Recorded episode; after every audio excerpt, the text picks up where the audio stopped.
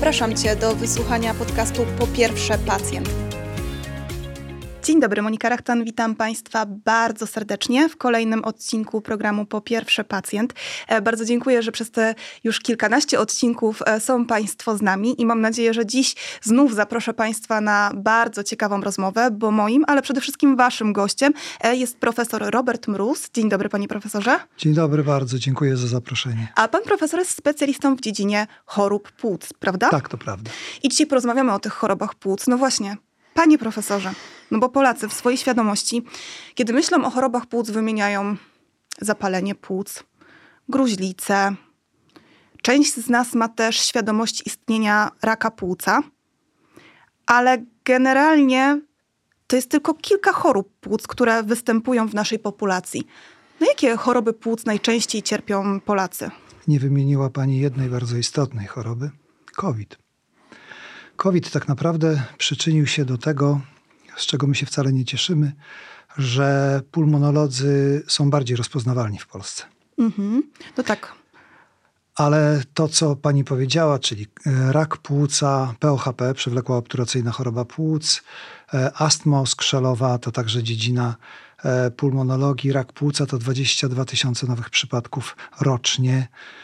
POHP, przewlekła obturacyjna choroba płuc, to 2 miliony chorych e, w Polsce. E, niektórzy Bardzo liczna grupa. Szacują, że e, może to być nawet 4 miliony dorosłych, dorosłych Polaków. Astma też 4 miliony chorych.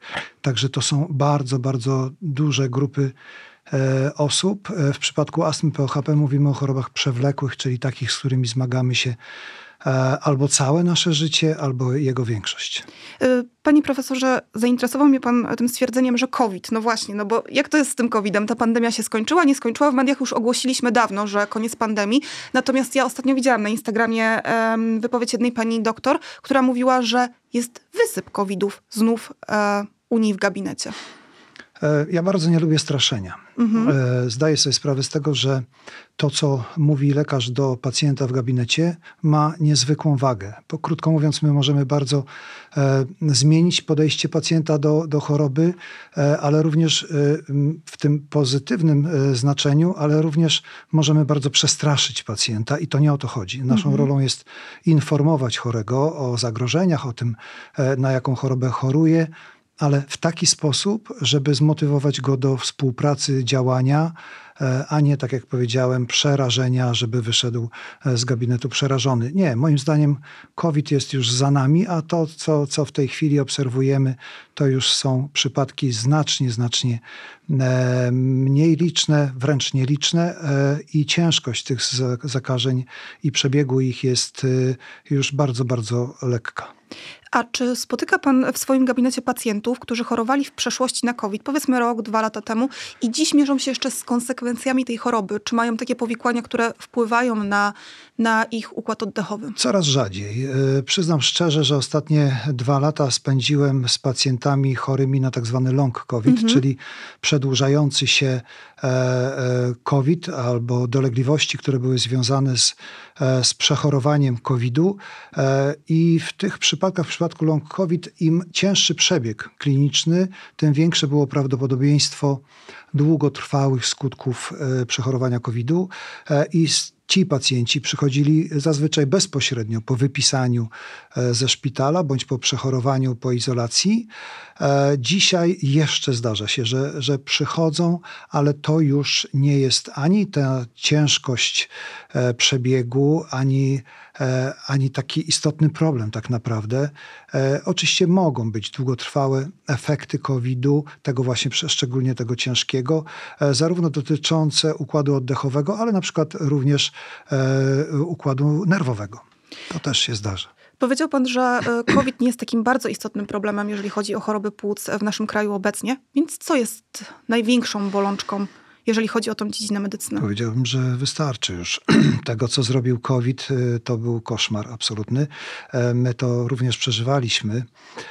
Natomiast dzisiaj wróciliśmy do tych najgorszych plag, jeśli chodzi o układ oddechowy, a mianowicie choroby odtytoniowe, mhm. rak płuca, POHP, przewlekła obturacyjna choroba płuc, w mniejszym stopniu astma, infekcje, rzadsze choroby, choroby śródmiąższowe, E, to są choroby, z którymi mierzymy się e, w, nie tylko w gabinecie, ale również e, na oddziałach chorób płuc.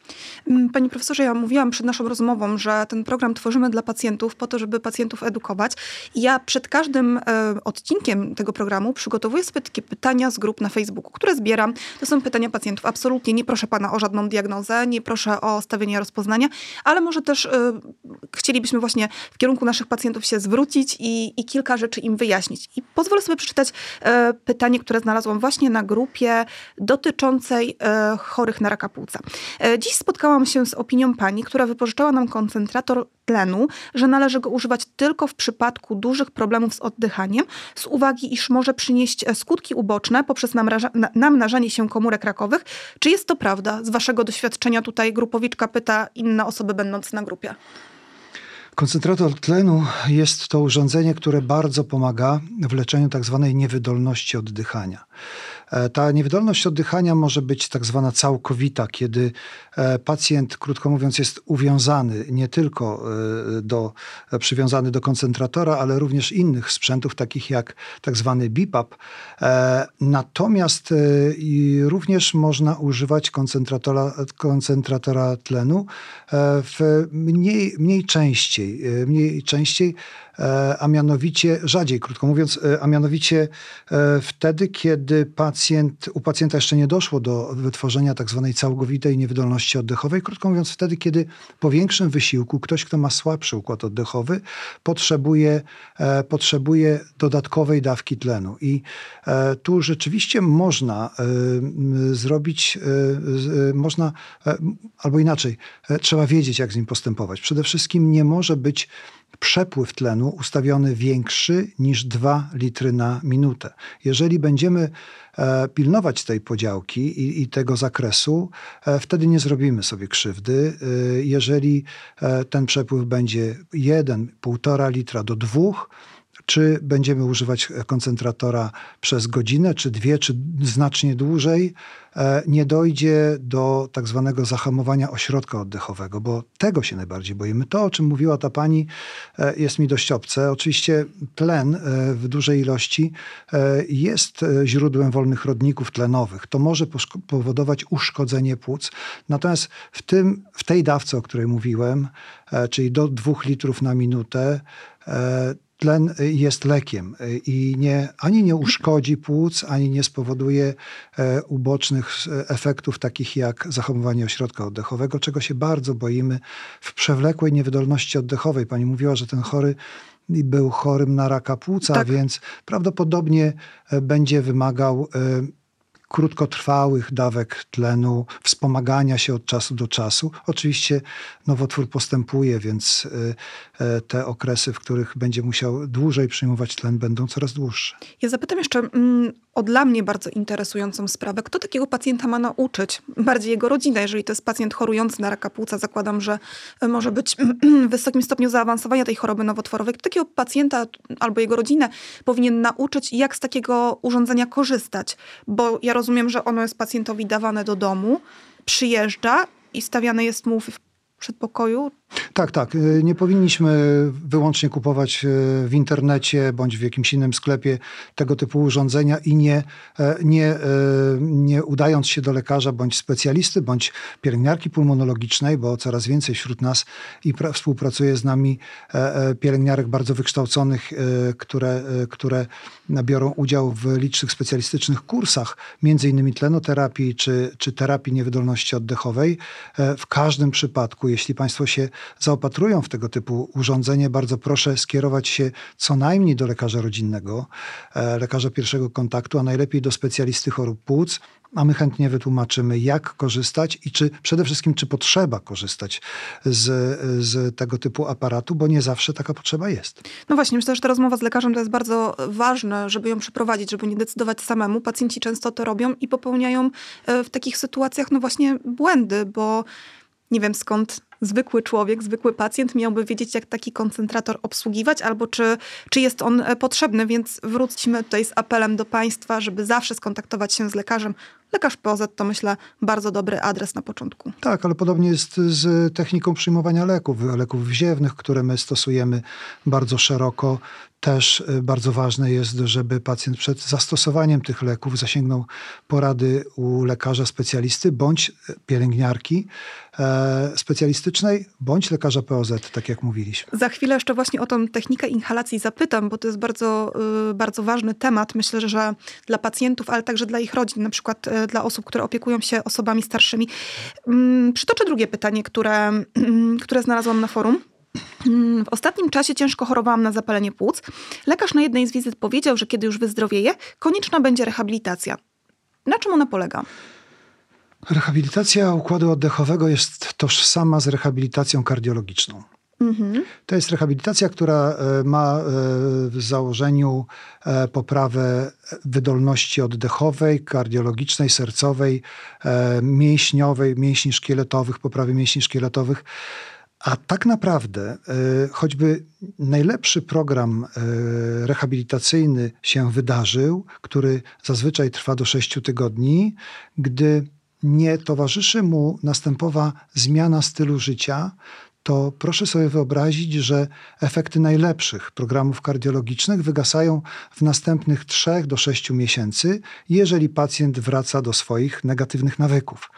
E, dlatego też my bardzo chętnie mówimy o rehabilitacji oddechowej, ale bardzo jeszcze chętniej mówimy o zmianie stylu życia o uruchomieniu się, o dobrej diecie, o, e, o ruchu. Ruch to naprawdę zdrowie i e, ci, którzy chorują na e, choroby serca, układu sercowo-naczyniowego czy układu oddechowego, wiedzą dobrze, jak nam, lekarzom, bardzo zależy na tym, żeby pacjenci się uruchomili, żeby zadbali o tężyznę fizyczną, żeby zredukowali masę ciała. O nałogach na pewno jeszcze będziemy mówić, bo to absolutne clue. Natomiast najważniejsze jest zdrowy, naprawdę zdrowy, zdrowy tryb życia i ruch. Ja myślę, że ten zdrowy tryb życia to jest przepis e, w ogóle na zdrowie w wielu chorobach, bo jak tutaj goszczę w programie e, różnych ekspertów, to każdy, praktycznie każdy mówi o tym, że po pierwsze redukcja masy ciała, jeżeli występuje nadwaga przy otyłości jest to konieczność. Po drugie właśnie ten zdrowy ruch i to też nie zawsze oznacza, że my musimy stać się e, sportowcami, którzy przez godzinę dziennie biegają po boisku, że czasem wystarczą zwykłe kijki. Pan profesor Zembala opowiadał nam tutaj w kontekście pacjentów kardiologicznych, żeby pójść nie do tego pierwszego sklepu spożywczego, który mamy pod domem, ale wybrać ten drugi i że to w wieku 70 paru lat na przykład, e, to jest świetny trening. Nie potrzeba nic więcej, tylko chociaż tyle. Potem trzeci sklep, tak? Żeby chociaż tyle dla siebie zrobić. Ja z kolei bardzo chętnie mówię do pacjentów w ten sposób, że e, moją rolą nie jest zrobienie na nim, na niej wrażenia, bo gdy otrzyma odpowiednie i prawidłowe, dobre, optymalne leki, zazwyczaj wziewne, e, odczuwa dużą poprawę i to jest taki efekt e, krótkotrwały. Natomiast powtarzam, że mnie interesuje, jak pacjent będzie e, miał się za 5 lat, za 10. To jest nasz cel, e, żebyśmy program, który zakładamy leczniczy, mierzyli w latach, a nie, a nie w tygodniach. Nie, nie e, cieszyli się pierwszym efektem.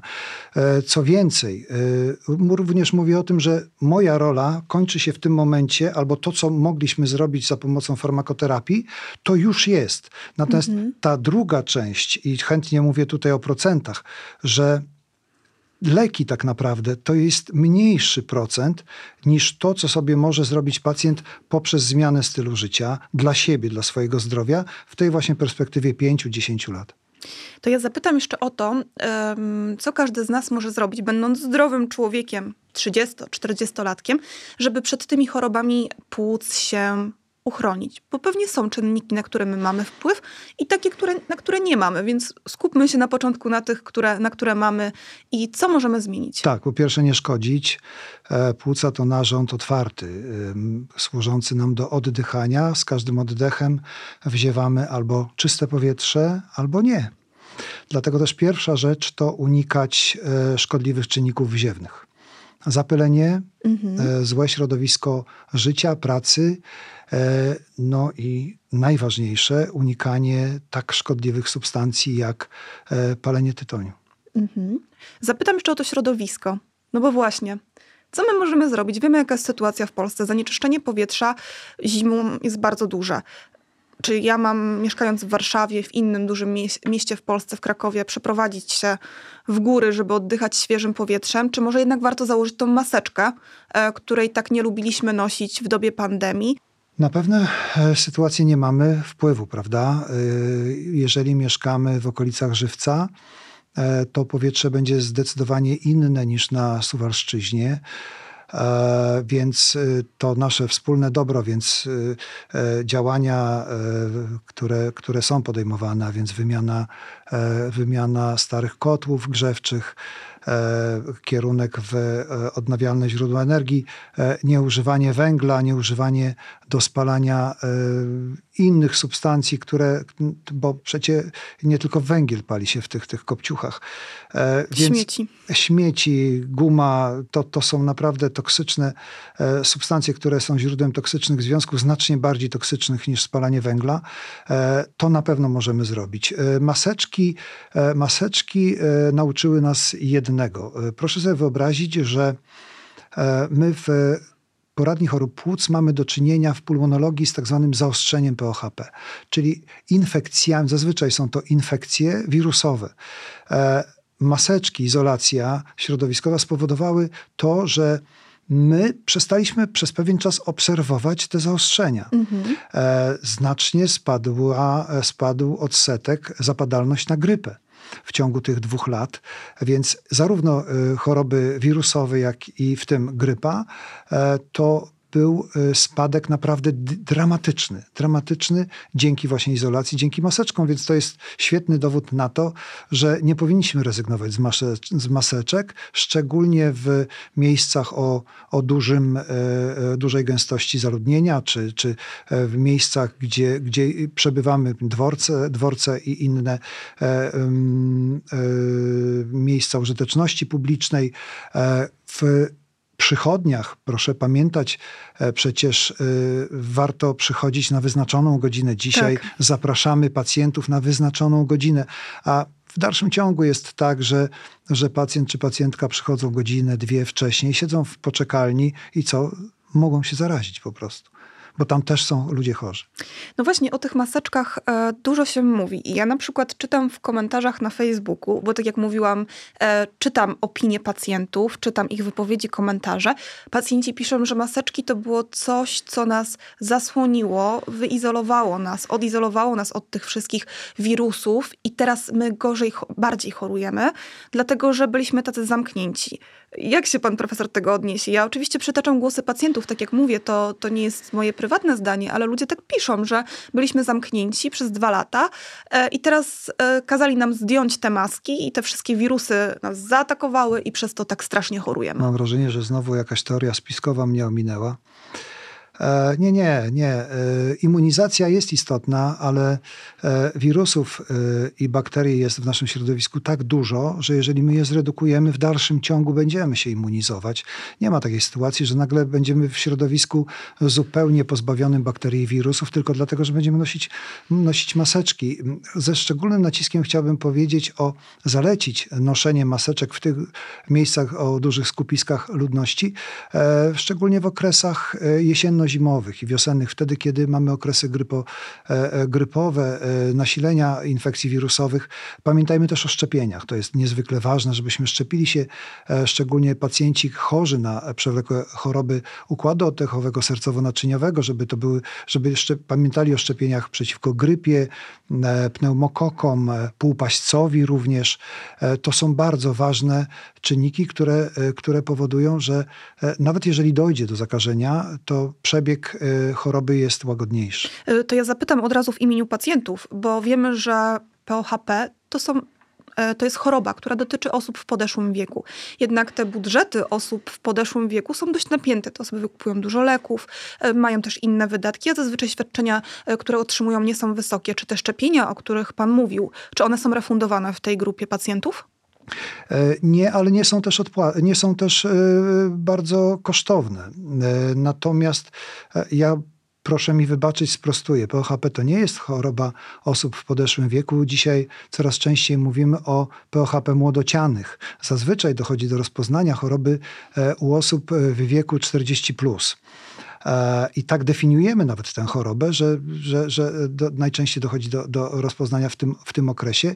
Natomiast jej źródła możemy się dopatrywać nawet w dzieciństwie.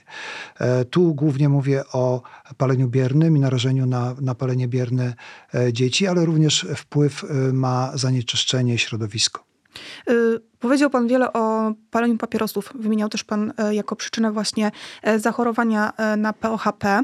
W Polsce 29% Polaków pali papierosy. E, tak podaje Polska Akademia Nauk i to są najświeższe dane. 4% e, e, tych palaczy korzysta z podgrzewaczy tytoniu, a 5% z e-papierosów. Wspieram się tutaj danymi, które, które odszukałam w internecie. Czy te produkty również są tak samo szkodliwe jak, jak zwykłe papierosy? Czy są tak samo rakotwórcze? Czy tak samo wpływają na ryzyko powstawania, występowania POHP?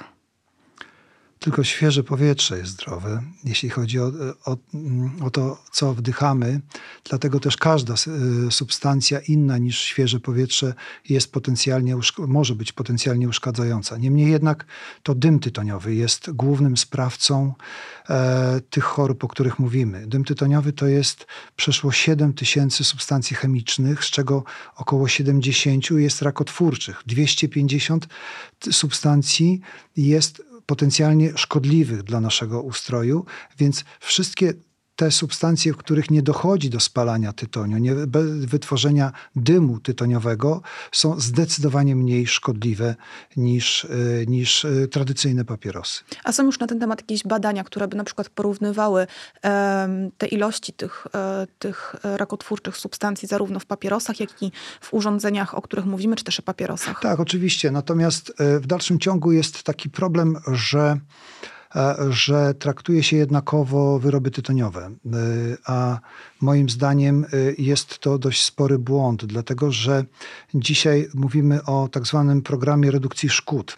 Na czym on polega? Którego ja jestem dużym zwolennikiem. Zanim do, może ja się odniosę do sytuacji sprzed wielu, wielu lat, gdy jako młody lekarz pojechałem do Holandii mhm.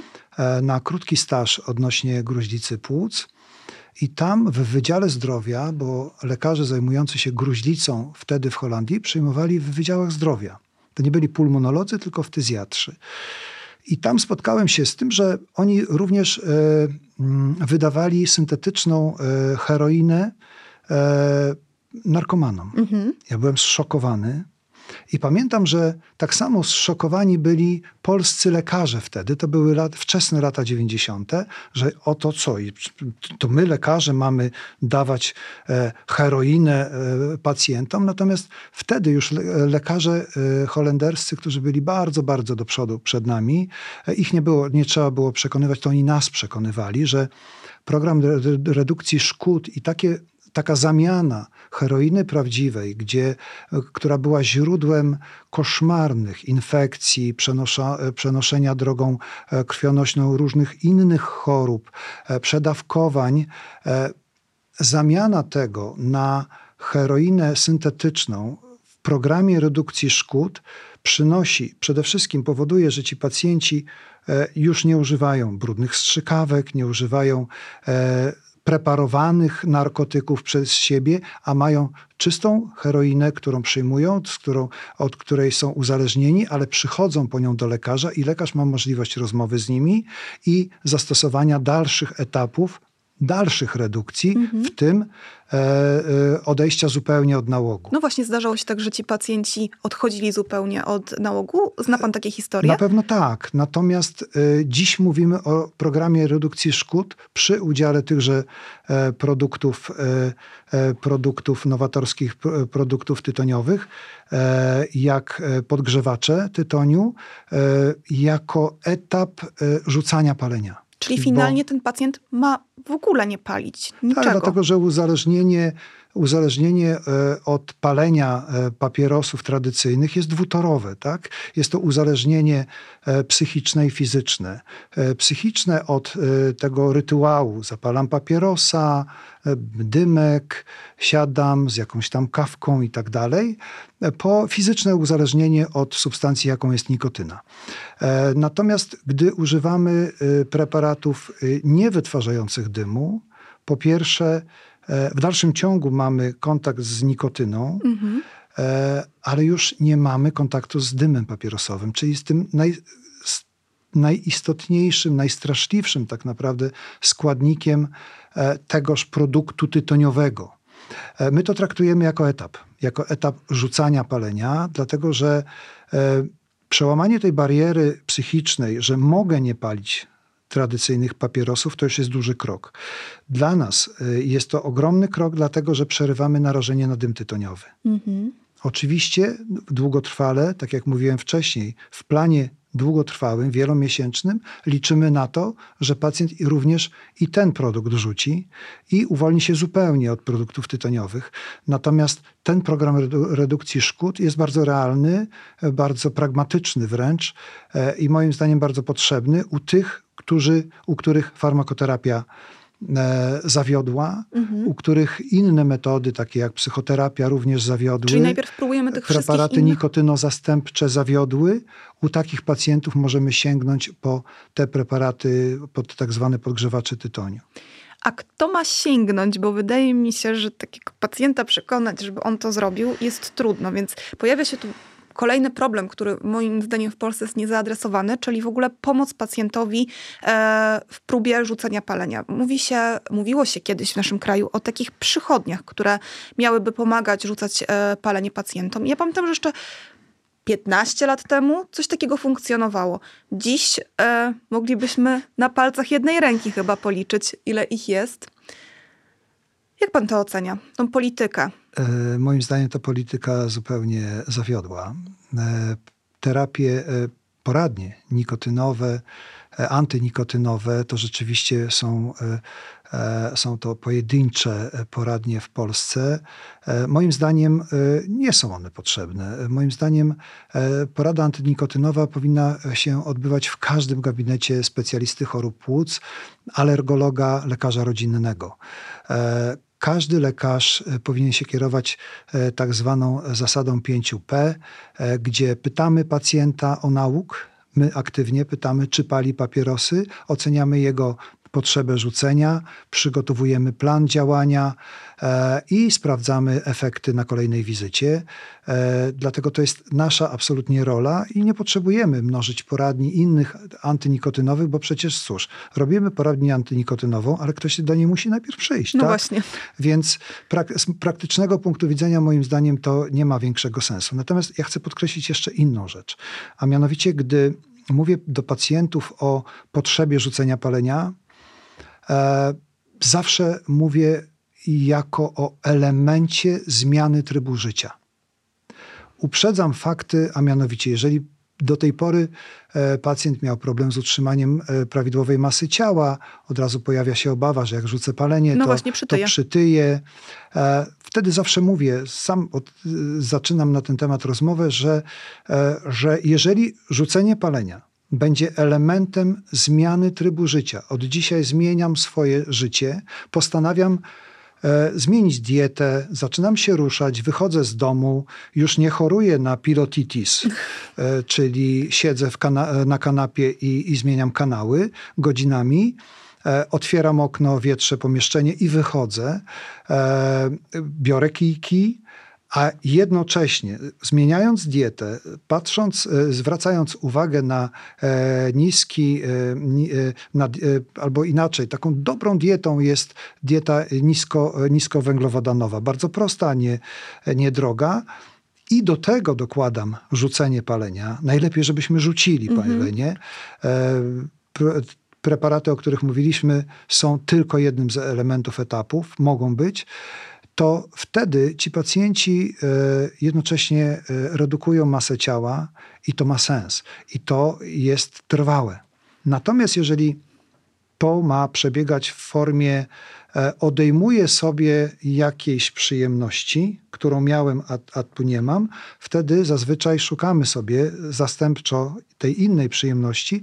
Pojawia się zwiększona masa, masa ciała, niezadowolenie i to są takie krótkotrwałe działania, nie, nie skazane na bardzo często na porażkę, chociaż chcę podkreślić, żebyście się Państwo nie zrażali e, pierwszymi porażkami. Jeżeli rzucamy palenie, jeżeli po chwili ktoś tam nas poczęstuje, na co proszę zwracać uwagę, żeby tego nie robić, e, wracamy do palenia, proszę się tym nie zrażać.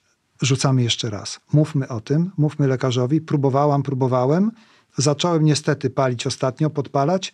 Rzucajmy jeszcze raz. To, to nie znaczy, że ma nam się udać od razu za pierwszym razem. To bardzo ważne, żeby tą próbę podjąć e, i bardzo namawiamy wszystkich naszych widzów, jeżeli, jeżeli są palaczami, żeby taką próbę podjęli, a na początku, żeby porozmawiali po prostu o tym ze swoim lekarzem e, podstawowej opieki zdrowotnej czy lekarzem specjalistą. Ale zapytam jeszcze o e, taką część społeczeństwa w odniesieniu właśnie do chorób płuc, która była narażona na różne czynniki. Mam nadzieję, że na szczęście już nie jest.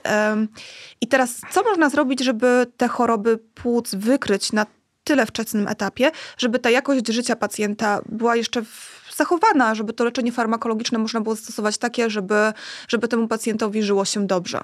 Tu musimy po, pomówić o objawach. Najczęstsze objawy układu oddechowego, chorób układu oddechowego to kaszel i duszność. Duszność postępująca, od razu przewlekła. zapytam, przepraszam, zapytam tak. od razu, czym jest duszność postępująca, bo oczywiście dla pana profesora to jest jasne, ale nasz pacjent myślę, że może nawet nie wiedzieć, że ma taką duszność. Do oddychania w spoczynku wystarcza nam mniej niż 20% płuc, co bywa z, yy, złudne, zawodne i co powoduje, że pacjenci, którzy mogą chorować na e, przewlekłą postępującą chorobę płuc, mogą nie zdawać sobie sprawy z tego, że duszność, która pojawia się po wysiłku mniejszym niż u rówieśnika, u osoby e, na tym samym etapie życiowym, e, może nie wynikać z braku treningu, bo i tak może być, a, czyli z siedzącego trybu życia, a z postępującej e, choroby układu oddechowego. Czyli zaczynamy mieć, bo każdy ma duszność mhm. w pewnym momencie, prawda?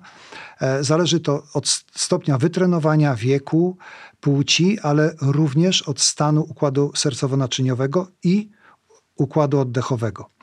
E, więc jeżeli odczuwamy tę duszność wcześniej niż nasi rówieśnicy, może w ten sposób, mhm. to to powinno nas zaalarmować. E, kaszel. Kaszel przewlekły, nieustępujący, bądź zmiana charakteru kaszlu. E, zmiana charakteru kaszlu, dlatego że mówimy tu głównie o palaczach. E, mhm. Palacze, którzy paląc papierosy usypiają swoje rzęski w układzie oddechowym, które to u, u osoby niepalącej działają e, w sposób ciągły. Gdy zapalimy papierosa, rzęski usypiają mniej więcej na godzinę. To mhm. powoduje, mhm. również usypiają, gdy śpimy.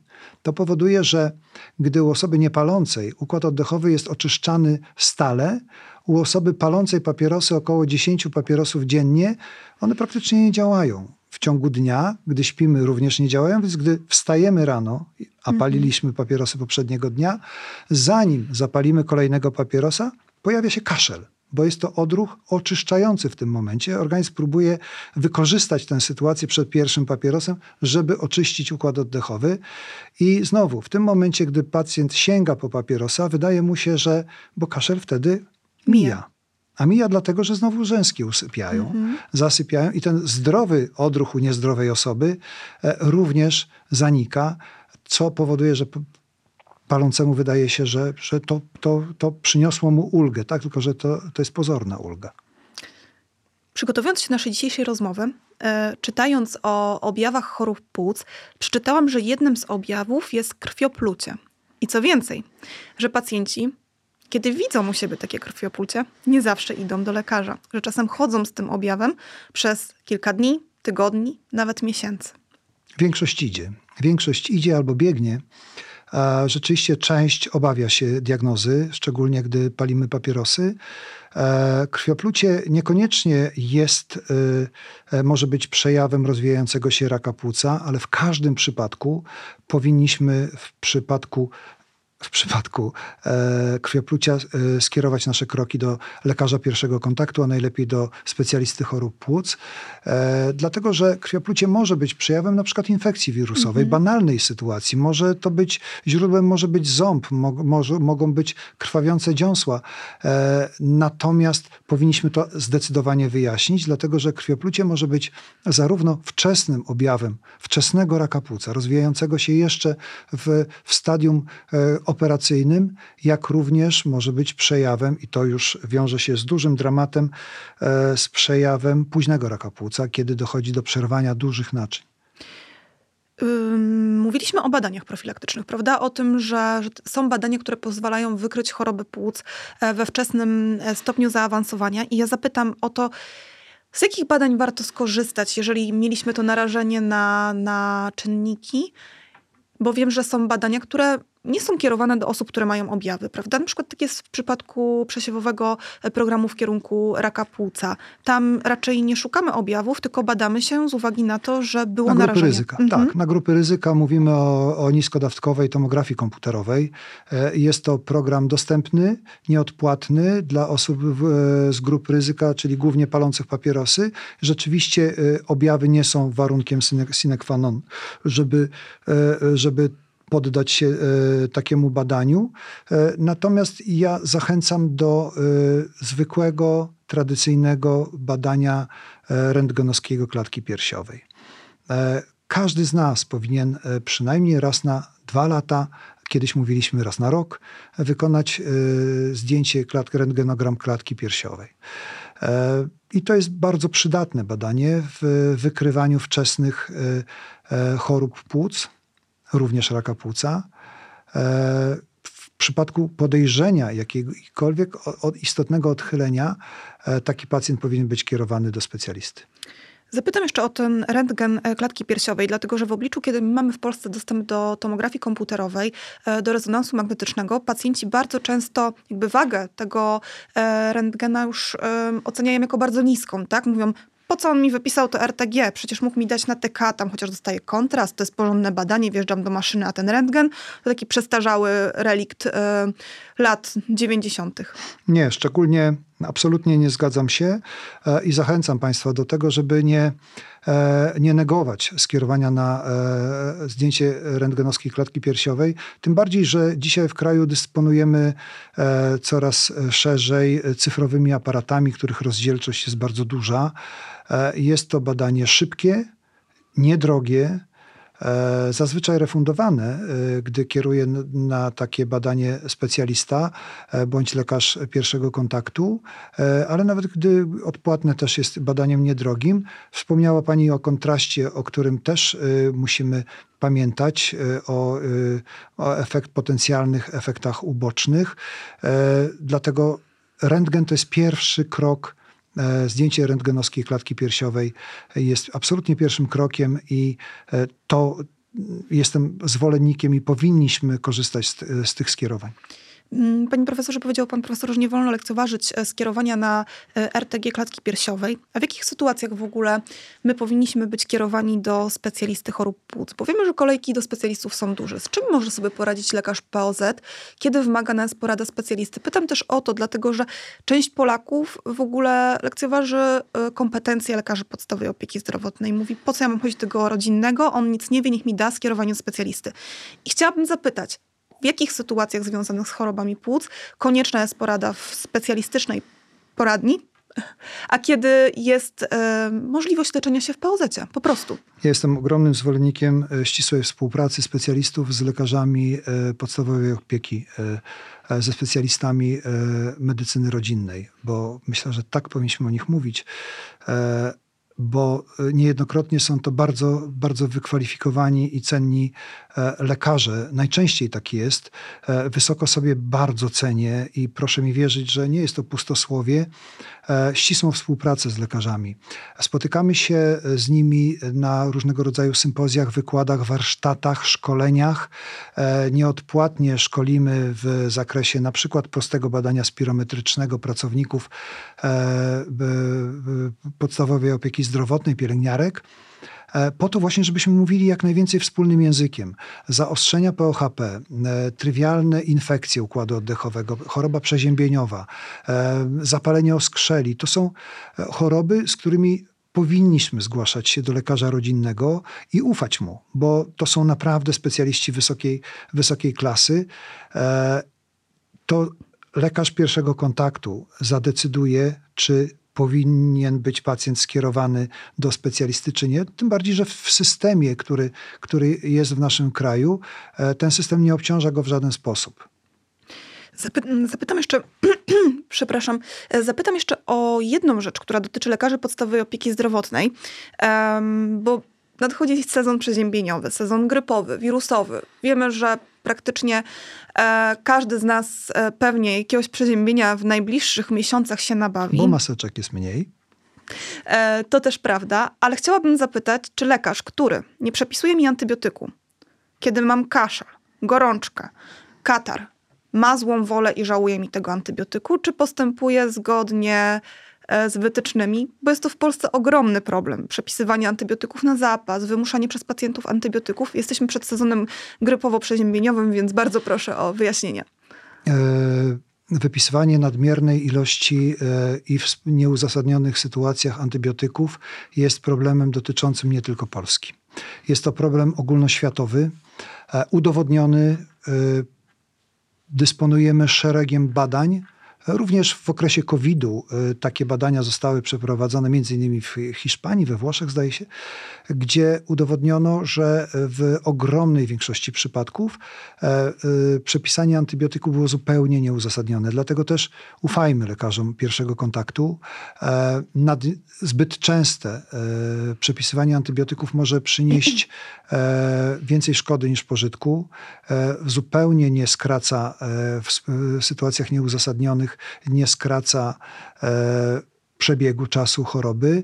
Natomiast w grupach ryzyka, u osób w podeszłym wieku, u osób z chorobami przewlekłymi sercowo-naczyniowymi, naczyniowymi, e, u osób z przewlekłymi chorobami płuc, takimi jak POHP, jeżeli kaszel staje się e, ropny z odkrztuszaniem żółtej plwociny, jeżeli dochodzi do pogorszenia stanu ogólnego, e, ogólnego osłabienia. E, gorączka utrzymuje się dłużej niż, niż kilka dni, e, wtedy to jest czas, żebyśmy przepisali antybiotyk. E, I te grupy ryzyka zazwyczaj mają już swojego lekarza specjalistę i bardzo często kierują się do niego. E, dlatego też e, u tych innych, u których jest szczęśliwie więcej, czyli osób, które nie mają przewlekłych chorób płuc, zazwyczaj to lekarz rodzinny ma rację, gdy nie przepisuje zbyt szybko antybiotyku. Wrócę, dziękuję za to wyjaśnienie. Ono jest bardzo ważne i bardzo zależało mi, żeby, żeby to dzisiaj padło, dlatego że tak jak mówię, sezon przeziębieniowy przed nami, więc mam nadzieję, że e, Państwo chętniej skorzystają z leczenia objawowego, które niesie ze sobą po prostu dużo mniej powikłań, jest bezpieczniejsze. Ale wrócę jeszcze do osób chorujących na e, choroby przewlekłe e, płuc. Powiedział pan profesor, że POHP, choroba, która nie tylko dotyczy osób w podeszłym wieku, ale już także 40-latków. I właśnie jak taka kontrola tej choroby powinna wyglądać? Czyli powiedzmy, że mam lat 42, postawiono mi rozpoznanie, przechodzę na zdrowy tryb życia, e, uprawiam sport, rzucam palenie, przyjmuję leki i i co dalej? I co jeszcze muszę robić? Powinien mieć testatorium? Na początku, gdy diagnozujemy, rozpoznajemy, potwierdzamy e, chorobę, potwierdzamy ją na podstawie wyniku spirometrii, wyniku badania spirometrycznego. E, oceniając, nie tylko potwierdzając diagnozę, ale również oceniając zaawansowanie choroby. E, istotne jest również, jak często dochodzi do zaostrzeń, czyli do tych skokowych pogorszeń e, e, oddychania, do których dochodzi jeżeli dochodzi do nich częściej niż co najmniej dwa razy na rok, e, w roku, to e, traktujemy takiego pacjenta jako pacjenta tak zwanego wysoko zaostrzeniowego, o podwyższonym ryzyku kolejnych zaostrzeń. Każdy taki pacjent powinien być pod opieką lekarza specjalisty, pulmonologa, ale również pod opieką lekarza podstawowej opieki zdrowotnej, dlatego że w przypadku wystąpienia takiego zaostrzenia, zazwyczaj e, najczęściej e, o etiologii wirusowej, jest to pacjent, który może e, skorzystać z pełnoprawnej, efektywnej porady u lekarza pierwszego kontaktu. Nie musi czekać na specjalistę, tym bardziej, jeżeli mamy do czynienia z kilkutygodniowymi kolejkami. Dlatego Wymieniamy się z lekarzami rodzinnymi e, w prowadzeniu tych chorych. Zawsze służymy pomocą lekarzom rodzinnym w przypadkach trudniejszych. Oczywiście, gdy dochodzi do e, w, u tych pacjentów starszych, w bardziej podeszłym wieku, z bardziej zaawansowaną chorobą obturacyjną, ci pacjenci częściej są naszymi e, gośćmi w poradniach specjalistycznych, dlatego że wymagają więcej od nas. Częściej dochodzi do zaostrzeń, również sięgamy po urządzenia, o których mówiliśmy wcześniej, a mianowicie po koncentratory -hmm. tlenowe, czy tak zwane BIPAPy, czyli nieinwazyjną wentylację domową. Kiedy pacjent y, przychodzi do specjalisty chorób płuc, potem powinien wrócić, kiedy na przykład lekarz podstawowej opieki zdrowotnej kieruje go do takiej poradni, powinien wrócić z dokumentacją medyczną do lekarza POZ, przekazać zalecenia. Nie wiem, y, jak to wygląda obecnie, jeżeli chodzi o systemy, czy to już jest na takim etapie, że pan mm, profesor, kiedy wpisuje do historii y, pacjenta swoje zalecenia, to lekarz podstawowej opieki zdrowotnej jest w stanie to zobaczyć? Czy to już y, działa w tym momencie w całym kraju? Bo ja wiem, że był taki pilotaż. Tak, w systemie, w systemie mm -hmm. to może być widoczne, ale również wydajemy zaświadczenie na papierze. Mhm. Staramy się wydawać każdemu pacjentowi, czy o to prosi, czy nie, e, dlatego że e, lekarz e, rodzinny jest nie tylko uprawniony do rozpoznania, postawienia rozpoznania choroby i zainicjowania leczenia, ale tym bardziej do kontynuacji leczenia i przepisywania leków, bo są to leki, które pacjent bierze przez wiele lat. Ja pytam o to, bo powiedział Pan o tej współpracy i mam wrażenie, że pacjenci, choć Państwo apelują od wielu lat, e, żeby tą dokumentacją się wymieniać, dawać możliwość lekarzom wymieniania się właśnie za pośrednictwem pacjenta, który jest takim powiedzmy gołębiem w przenoszeniu tych zaleceń. E, pacjenci ukrywają e, taką dokumentację. Nie zawsze pokazują ją specjaliście, nie zawsze pokazują ją lekarzowi podstawowej opieki zdrowotnej. Mówią, że sprawdzają kompetencje jednego i drugiego. Bardzo modna jest przecież porada. Pójdę do drugiego, zobaczę, co mi powie. A myślę, że to kluczowe żeby, ten, e, żeby to leczenie było skuteczne, właśnie żeby te trzy osoby, czyli lekarz specjalista, lekarz podstawowej opieki zdrowotnej i pacjent zaangażowali się, ale żeby ten pacjent był w tym wszystkim bardzo rzetelny i, i te informacje przekazywał między tymi lekarzami. Okej. Okay. Jeżeli pacjent ukrywa, to potencjalnie działa na swoją szkodę. Natomiast ja bym chciał podkreślić instytucję drugiej opinii. E, instytucja drugiej opinii to jest e, absolutne prawo pacjenta pacjent ma prawo zasięgnąć opinii innego lekarza, nie powinien się z tym kryć. E, drugiego, trzeciego, e, dlatego że ja również zachęcam pacjentów, mówię otwarcie o tym, że po wyjściu z mojego gabinetu, jeżeli mają wątpliwości, mogą się skierować do takiego samego specjalisty po drugą opinię. To również jest element budowania zaufania. Mhm. Jeżeli działamy w sposób otwarty, nie ukrywamy, nie obrażamy się, broń Boże, e, jeżeli dowiadujemy się, że pacjent poszedł do innego, skierował się do innego specjalisty, e, to ta instytucja drugiej opinii jest naprawdę pożądana. Oczywiście nie w sytuacjach podstawowych, typowych, ale takich granicznych, borderline, albo nawet wtedy, kiedy pacjent ma wątpliwości co do diagnozy, którą usłyszał. Co do kierowania do innych specjalistów, bo przecież pacjenci często są wielochorobowi, to już jest to taka oczywistość, że, że o tym nawet nie chcę mówić. Y Powiedział pan profesor, że część e, chorób obturacyjnych dotyczy e, osób e, w wieku podeszłym i zapytam teraz jako młoda kobieta, zapytam w imieniu młodych mężczyzn, jeżeli moi rodzice chorują na e, chorobę obturacyjną, są leczeni przez specjalistę, to y, co powinnam sprawdzić? Bo pewnie coś powinnam, bo to przestrzeganie zaleceń lekarskich jest bardzo ważne. I tutaj nie mówię o, absolutnie o kompetencjach lekarzy, że powinnam je sprawdzić, ale bardziej o to, czy mój tato, moja mama e, stosuje się do tych zaleceń i czy na przykład w sposób prawidłowy te leki przyjmuje, bo to jest bardzo istotne w chorobach obturacyjnych. Przede wszystkim zapraszam na wspólną wizytę. O właśnie. Zainteresujmy się, prawda? Tak. E, wybierzmy się raz na rok nawet e, z, naszym mam, e, z naszą mamą, naszym tatą i wtedy bezpośrednio od lekarza usłyszymy, jakie są zalecenia, na co pacjent zwrócić powinien uwagę. Niezwykle ważny jest ruch, o którym wspominaliśmy. Niezwykle ważny jest ta zmiana trybu życia z, z, ze stagnacji, z unieruchomienia, bo nie ruszam się, bo mam duszność. Wszyscy mhm. mamy duszność. To tylko zależy od, nie tylko od sta, stanu naszych płuc, ale również stanu naszych mięśni, wytrenowania. E, I tak jak mówiłem na, na wstępie, leki czynią jedno, a zmiana stylu życia to jest wartość dodana. Dlatego też i tu akurat pacjenci, gdy nie ma takiej wspólnej wizyty, mhm. często wracają do domu i nie mówią części, owszem, oddał mi leki, tak, mam je przyjmować, znowu warto skontrolować, wiedzieć jak one powinny być przyjmowane. Stosunkowo niedawno, Państwo wszyscy widzieli doktora Hausa i tę panią, która sobie tam psikała. E, ja byłem świadkiem jeszcze czegoś ciekawszego, a mianowicie przyszedł do mnie kiedyś pacjent stosunkowo niedawno z bardzo zaawansowaną chorobą obturacyjną i współistniejącą astmą, ledwo wszedł do gabinetu, mhm. a przyszedł dlatego, że pod hasłem, że leki mu nie przynoszą e, żadnego efektu. E, zapoznałem się z lekami, były absolutnie odpowiednie, leki wziewne, Rzeczywiście miał bardzo dużą duszność, w badaniu przedmiotowym liczne świsty i coś mnie tknęło. Bo zapytałem oczywiście, jak przyjmuje, czy wie, jak przyjmuje, a akurat przyjmował taki jeden z najprostszych leków wziewnych, jakie, jakie są, aparatów, bo to są inhalatory. I ten akurat jest y, y, najmniej wymagającym technicznie, manualnie e, instrumentem, oczywiście lekiem wziewnym. I proszę sobie wyobrazić, pacjent tak spojrzał na mnie niczym ta pani y, od doktora Hausa, otworzył tenże, nie, ja przepraszam, włożył go do ust, otworzył w ustach i zaczął wylizywać. Jak to? Normalnie. Zaczął wylizywać. Ja tylko pożałowałem, że tego nie nagrałem na telefon, bo, bo no tak. absolutnie byłem zszokowany.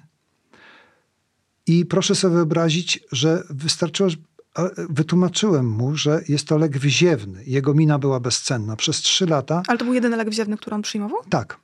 E, lek skojarzony, hmm. tak de facto były to dwa, dwa preparaty i on byłby zupełnie wystarczający.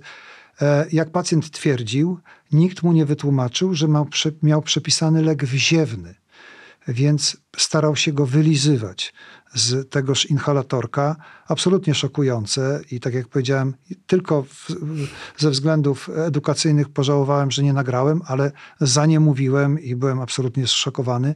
E, technika inhalacji e, leków jest podstawowa, bo w przeciwnym wypadku, jeżeli, jeżeli nie będziemy przyjmować ich, no oczywiście to jest skrajny przykład, takie rzeczy się zdarzają niezwykle rzadko, e, ale również nieoptymalna technika powoduje, że nie wchłaniamy w sposób optymalny zalecanej dawki. Są leki, które na przykład e, trzeba wstrząsać, co, bo jest tam mieszanina leku. Jeżeli nie wstrząsamy, e, mówimy o tych inhalatorkach, takich fajkach, jeżeli najpierw przed przyjęciem ich nie wstrząśniemy, nie wymieszamy dobrze, nie wyrównujemy dawki. I może być tak, że przyjmujemy 10% albo 200%. Mhm a to, to, ten drugi, y, e, druga sytuacja może się wiązać na przykład z, e, e, z powodowaniem arytmii. Ja jeszcze zapytam o to, czy kiedy jestem pacjentem i nie jestem pewna, czy dobrze przyjmuję leki, czy moja technika inhalacji jest właściwa, to czy ja mogę zabrać ten inhalator do gabinetu pana Zawsze. profesora i pokazać, w jaki sposób przyjmuję ten lek, albo nie wiem, wziąć lusterko i sprawdzić z tą ulotką, czy, czy... Można również nagrać na telefon i wysłać taki filmik do lekarza. Nie trzeba fizycznie się do niego zgłosić. E, ale zawsze pacjenci są proszeni, żeby przyjęli, przynieśli leki, które przyjmują. Mogą zapomnieć, zapomnieć nazwy, przyjmują i zawsze zaczynamy u takich pacjentów, którzy przychodzą do nas, a już przyjmują leki, e, zawsze pytamy o to, jak, żeby zademonstrowali, jak przyjmują. Nie, nie, nie kończymy naszej rozmowy na, no przecież wiem, tak? To ta, tamten pan też wiedział. Gdyby jednak ta rozmowa w taki sposób nie wyglądała z lekarzem, to my zachęcamy naszych widzów, żeby po prostu zapytali e, lekarza o to, czy ta technika jest e, prawidłowa. Panie profesorze, trzy najważniejsze rzeczy, które powinni zapamiętać pacjenci z naszej dzisiejszej rozmowy. Dbajmy o siebie. Dbajmy o swój układ oddechowy, ale o ogólny stan zdrowia. Pamiętajmy o tym, że ruch, ruch jest zdrowiem. E, nie powinniśmy ograniczać się tylko i wyłącznie do stosowanych leków, ale powinniśmy przede wszystkim e, unikać szkodliwych czynników. Mówimy tu o rzucaniu palenia, unikaniu absolutnie narażenia na dym tytoniowy, ruch, zmiana trybu życia, odpowiednia dieta. E, nie bójmy się zgłaszać do lekarza, kiedy mamy wątpliwości co do stanu naszego zdrowia. Jeżeli wystąpią takie objawy jak utrzymujący się zbyt długo, dłużej niż kilka dni kaszel, e, szczególnie jeżeli on nie towarzyszy e, zwykłej infekcji, jeżeli pojawi się krwioplucie, nieuzasadniona duszność wysiłkowa, zgłaszajmy się bądź to do lekarza pierwszego kontaktu, bądź do pulmonologa. Nie czekajmy, nie obawiajmy się. Pamiętajmy o tym, że rak nawet rak we wczesnym stadium zazwyczaj jest operacyjny i w pełni uleczalny. Jeżeli zgłosimy się w późnym okresie choroby, e, jesteśmy my, lekarze, skazani już tylko na postępowanie paliatywne. Panie profesorze, e, Powiedziałam wcześniej, kiedy tutaj byliśmy za kulisami, że e, partnerem e, tego programu jest Instytut Praw Pacjenta i Edukacji Zdrowotnej, który mówi wiele o humanizacji medycyny. I obiecałam, że będziemy mogli o tym porozmawiać trochę dłużej, ale czas nas goni, więc e, zapytam pana, czym dla pana jest humanizacja medycyny krótko, a umówmy się, że jeszcze się tu spotkamy i dłużej porozmawiamy o tej humanizacji. Tak samo powiedziałem, że to smutne, że pani mnie o to pyta, e, dlatego że medycyna to nauka humanistyczna, której nie powinniśmy humanizować. E, często pytam e, studentów, zdarza się tak, że jest grupa studentów, która nazywam to przyszli ortopedzi na ćwiczenia. I tak nie do końca są zainteresowani pulmonologią. Wtedy mam takie zapytania pobudzające. Jednym z nich jest moim ulubionym, kto nie lubi ludzi ręka w górę. I wtedy jest taki szok. Przecież no jak to? Przecież my lekarze. Radiolodzy tutaj, się zgłaszają. Tak, my lekarze, no pyta, tak, e, na co ja zawsze odpowiadam, że jest to zawód dla osób, które lubią ludzi. Nie ma miejsca e, w tym zawodzie dla, dla innych. Więc e, medycyna to jest humanistyka, to jest e, zawód humanistyczny. Jedni nazywają go powołaniem, inni profesją, ale zawsze mamy widzieć pacjenta i być dla niego. Bardzo dziękuję za te słowa. Bardzo dziękuję za naszą dzisiejszą rozmowę. Mam nadzieję, że przekonaliśmy naszych widzów, że warto wybrać się zarówno do lekarza podstawowej opieki zdrowotnej, zarówno do specjalisty chorób płuc, kiedy pojawiają się obawy, ale, e, objawy, ale przede wszystkim zadbać o siebie i o e, swoje zdrowie. Bardzo dziękuję panie profesorze, że znalazł e, pan czas na naszą dzisiejszą rozmowę. Dziękuję bardzo, dziękuję za zaproszenie. Państwu dziękujemy za uwagę i zapraszamy do obserwowania nas na Facebooku i YouTubie. Bardzo dziękuję.